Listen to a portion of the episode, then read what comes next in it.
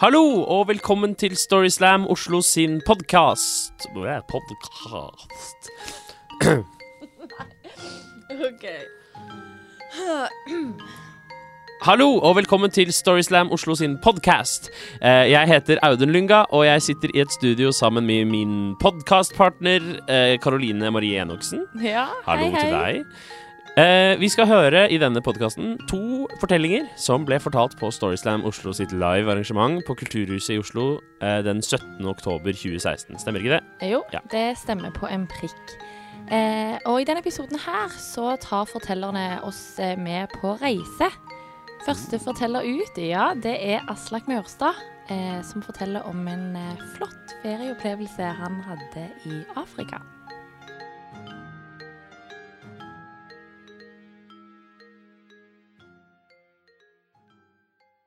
Da jeg var liten, så trodde jeg at Guds plan for mitt liv var at jeg skulle få alle verdens sykdommer. Jeg hadde barneleddgikt, og jeg har Bechdrev, og jeg har noe som heter seboré, og jeg har brukket armen, og jeg har nesten blitt blind, og jeg har hatt kyssesyken, og jeg har blitt feildiagnostisert med både cøliaki og laktoseintoleranse og levd deretter i mange år. Jeg har hatt klamydia. Ta-da! Tusen takk.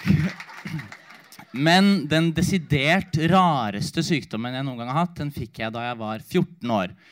Og da var jeg i Sør-Afrika med familien min på ferie. Eh, Vi var på safari, og vi så løver, og vi så elefanter, og vi så en gepard som bare lå på bakken og var skikkelig tykk, for man nettopp spist en gnu, så det var dritfett, for vi kunne liksom kjøre bort og nesten ta på den. Så det var en veldig bra dag én-safari, da. Men dag to så våkner jeg, og så har jeg fått feber. Så vi bestemmer oss for å da ikke bli med på den vandresafarien som vi egentlig skal være med på dag to. Og så blir jeg egentlig ikke noe bedre neste dag heller, så jeg har da 42,5 i feber, som er ganske høyt. Så vi blir ikke med på safari da heller, eh, og finner ut at nå må vi nok dra til legen. Og der får jeg vite at jeg har tick bite fever, eller onoklana, som det heter på zulu. Eh, jeg har blitt bitt av en nesehornflått. Og det er da en flått som vanligvis biter neshorn, men denne har bitt meg. Og det er en ganske farlig sykdom. Én av fire personer dør av den sykdommen. Eh, med mindre man da tar disse pillene som legen veldig beleilig hadde i skuffen sin. Så jeg begynner selvfølgelig på disse pillene umiddelbart og blir raskt bedre.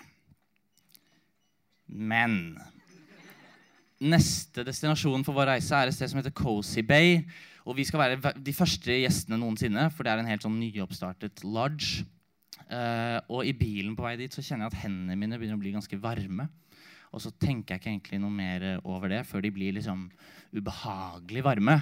Og så spør jeg da lillebroren min om han kan kjenne på dem, men de er visst ikke varme. Og så etter hvert så begynner å gjøre ganske vondt. Det er liksom som jeg har på meg svarte hansker, og det er stekende sol, og det svir. Sånn at jeg åpner en flaske vann, og så heller jeg det over hendene mine da, for å kjøle dem ned. Og det lindrer det litt. Men så begynner de å bli varme igjen. Og så ringer da min mor en venninne av seg som er lege, og hun sier dette vet jeg hva er. Han har fått burning hands.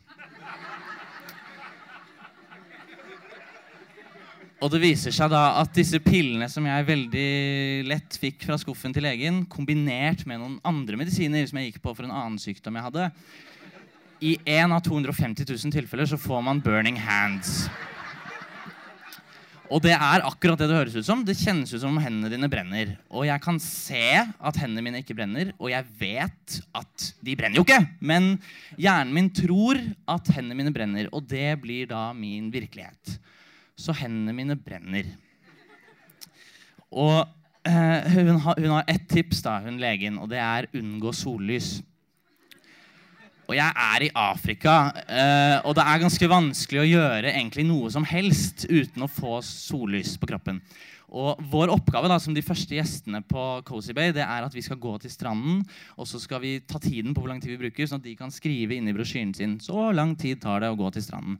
Og den stranden er ganske unik i den forstand at det er ett av veldig få steder i verden der mennesker har tilgang til et naturlig skilpaddenest. Altså sånn skilpaddeegg som klekker, og de kjemper seg i vei mot stranden, og mange dør, og det er bare dritkult. Eh, så vi skulle få lov til å være verdens første gjester på dette stedet, så jeg har jo ganske lyst til det. Så da tar jeg og lager meg en pose med vann. Jeg lager da ikke en pose, men de fins jo fra før av, så jeg finner det. Og så fyller jeg den med vann. Og så, fordi hvis jeg dypper hendene mine i vann, så tror hjernen min at å, nå slukket du brannen. Og da gjør det ikke vondt lenger. Men det varer ikke så lenge. Det tar egentlig bare ti sekunder før det begynner å brenne igjen. Sånn at uh, egentlig fra jeg dypper den ene hånden og til jeg rekker å dyppe den andre, så har den her begynt å brenne igjen. Så jeg må egentlig kontinuerlig dyppe hendene da, mens jeg går gjennom jungelen sammen med min familie helt bakerst der og er en liten sånn dyppegutt bakerst. Og så kommer vi frem til denne stranden. Vi bruker 45 minutter på det, som ikke er så verst tid, tror jeg. Uh, før jeg finner ut at jeg må tilbake igjen. For det gjør for vondt i hendene, det her. Så jeg går tilbake igjen. Og familien min må jo være med, fordi jeg kan ikke gå gjennom jungelen alene. Eh, og så finner jeg ut at da hendene mine har vent seg til den temperaturen på vannet, Sånn at det vannet må bli kaldere. For hvis ikke så tror ikke hjernen min på at jeg dypper dem. Du gjør jo ingenting. Det er jo ikke noe temperaturforskjell. Eh, så om kvelden så ligger jeg da med en bøtte med isbiter og prøver å sove og dypper da disse hendene. Og prøver å ikke sovne med hånda oppi bøtta, for da tisser jeg på meg. Og det blir jo dritt for vaskehjelpen, som, som jo er min mor.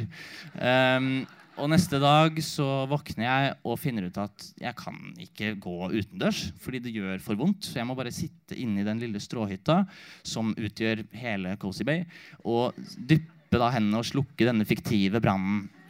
Eh, og det samme gjelder neste dag og dagen etter det igjen og dagen etter det igjen. Og det verste med dette er jo at familien min må, kan heller ikke gå til denne stranden, for de må forsyne meg med isbiter. Fordi jeg kan jo ikke gå ut, og det vannet må bli gradvis kaldere og kaldere. Så ingen av oss får sett en eneste jævla skilpadde, som de kalte det. Eh, men etter en uke da, så blir i hvert fall hendene mine bra igjen. Og eh, jeg blir frisk, alt er tilbake til normalt. Og neste familieferie som vi skal dra på, den er til Peru.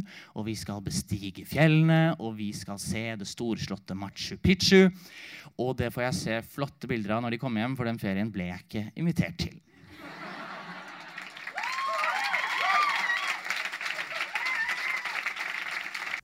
Ja, det var jo en uh, flott fortelling. Mm -hmm. Fortalte om en flott fyr om et flott land. Ja, og du har hengt deg helt opp i det ordspillet på flott og flott. Ja, det har jeg. Det er veldig bra.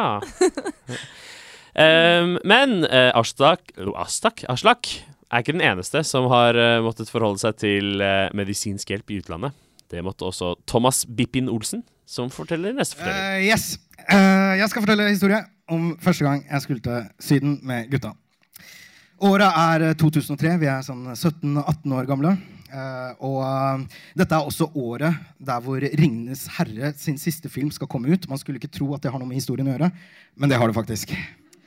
Så vi skal til Ainapa, og i 2003 så er det the shit place to be. Liksom. Det er der det skjer. Og vi har to klare mål. Damer og drikking.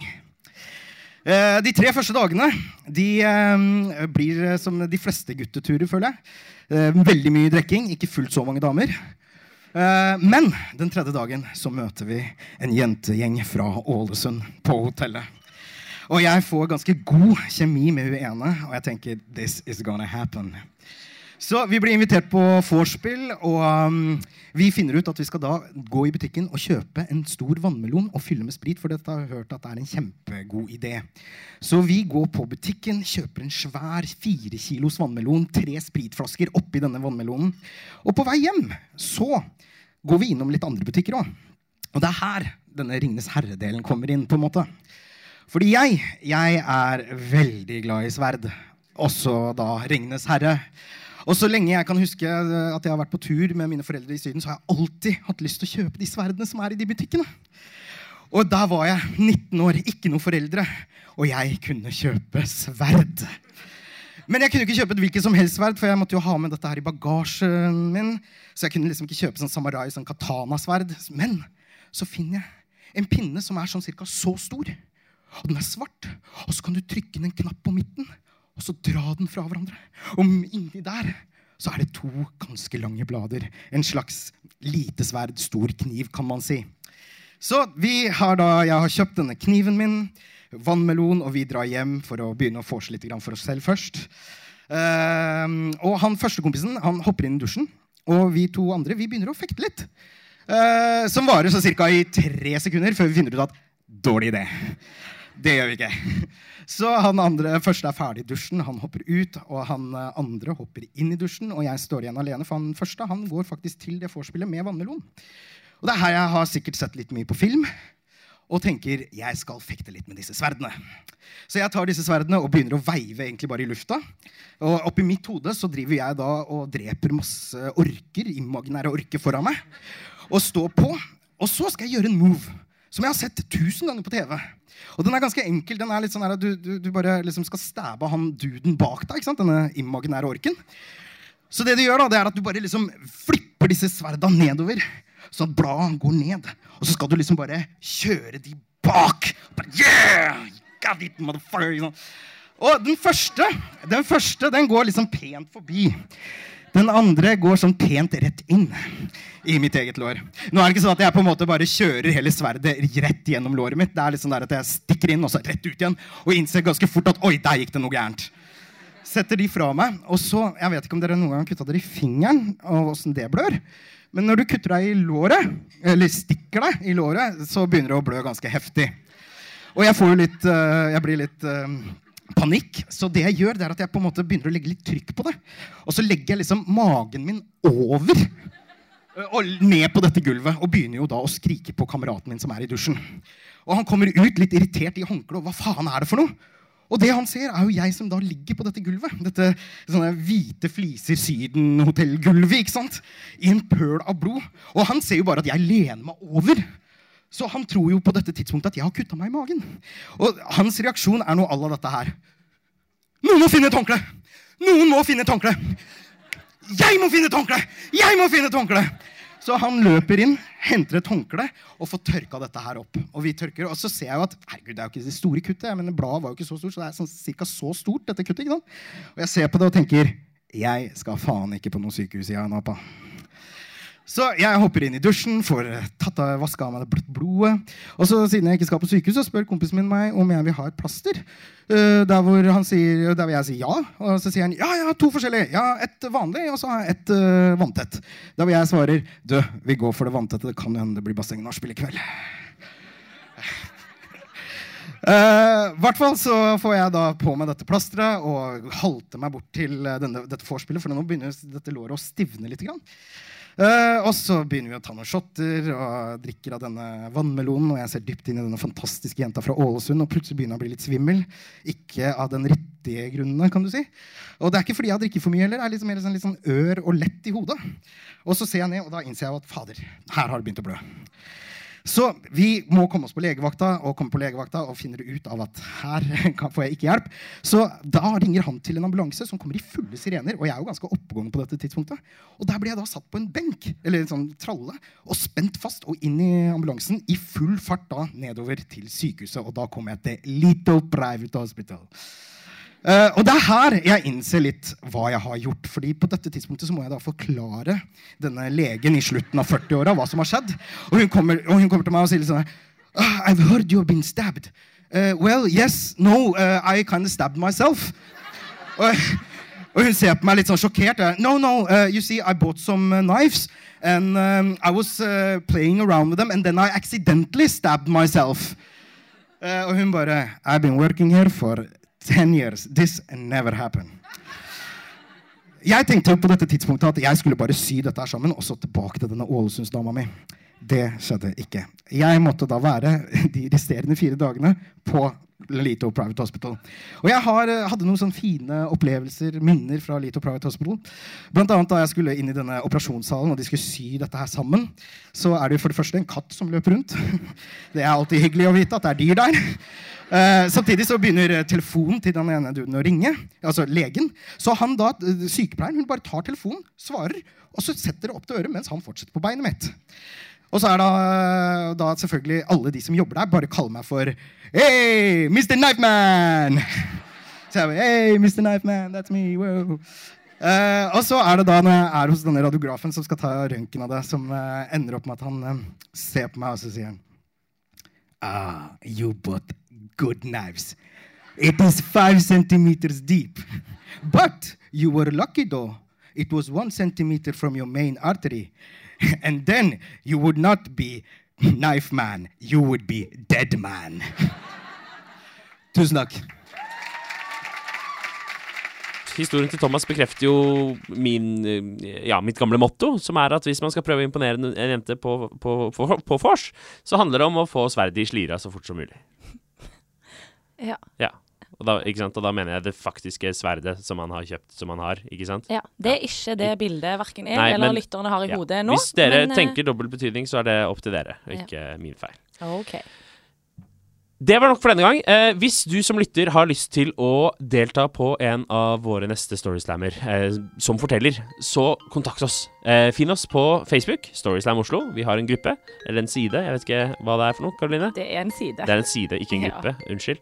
Eh, eller så kan du sende oss en e-post på den veldig profesjonelle e-postadressen storyslamoslo alfakrøll gmail.com. Ja. Uh, hvis du tar kontakt med oss på den måten, så vil du bli invitert til en av våre gratis workshoper, hvor vi eh, hjelper deg med å utvikle historien din. Så den trenger ikke å være fiks ferdig. Hvis du har en uh, litt sånn halvmorsom greie, så kan vi hjelpe deg med å gjøre den fin. Um, og vi trenger fortellere, så det, er, eh, det håper vi at du gjør. Ja, Absolutt. Eh, neste Storyslam, det er vårt finaleshow eh, som blir holdt på Rockefeller i Oslo. Det gleder vi oss veldig mye til. Ja, Det blir gøy. Det er den 28. november klokken åtte. Eh, og man kan kjøpe billetter. Det gjør man veldig enkelt på ticketmaster.no. Mhm. Ja. Og det er kanskje snart utsolgt. ja. Håper Det jeg. er satser vi på. Eh, det blir uansett et kjempebra show. Så kom dit. Yes. Eh, og imens du varmer opp til det, så kan du jo følge denne podkasten som kommer ut med ujevne mellomrom. Takk for nå. Takk for nå.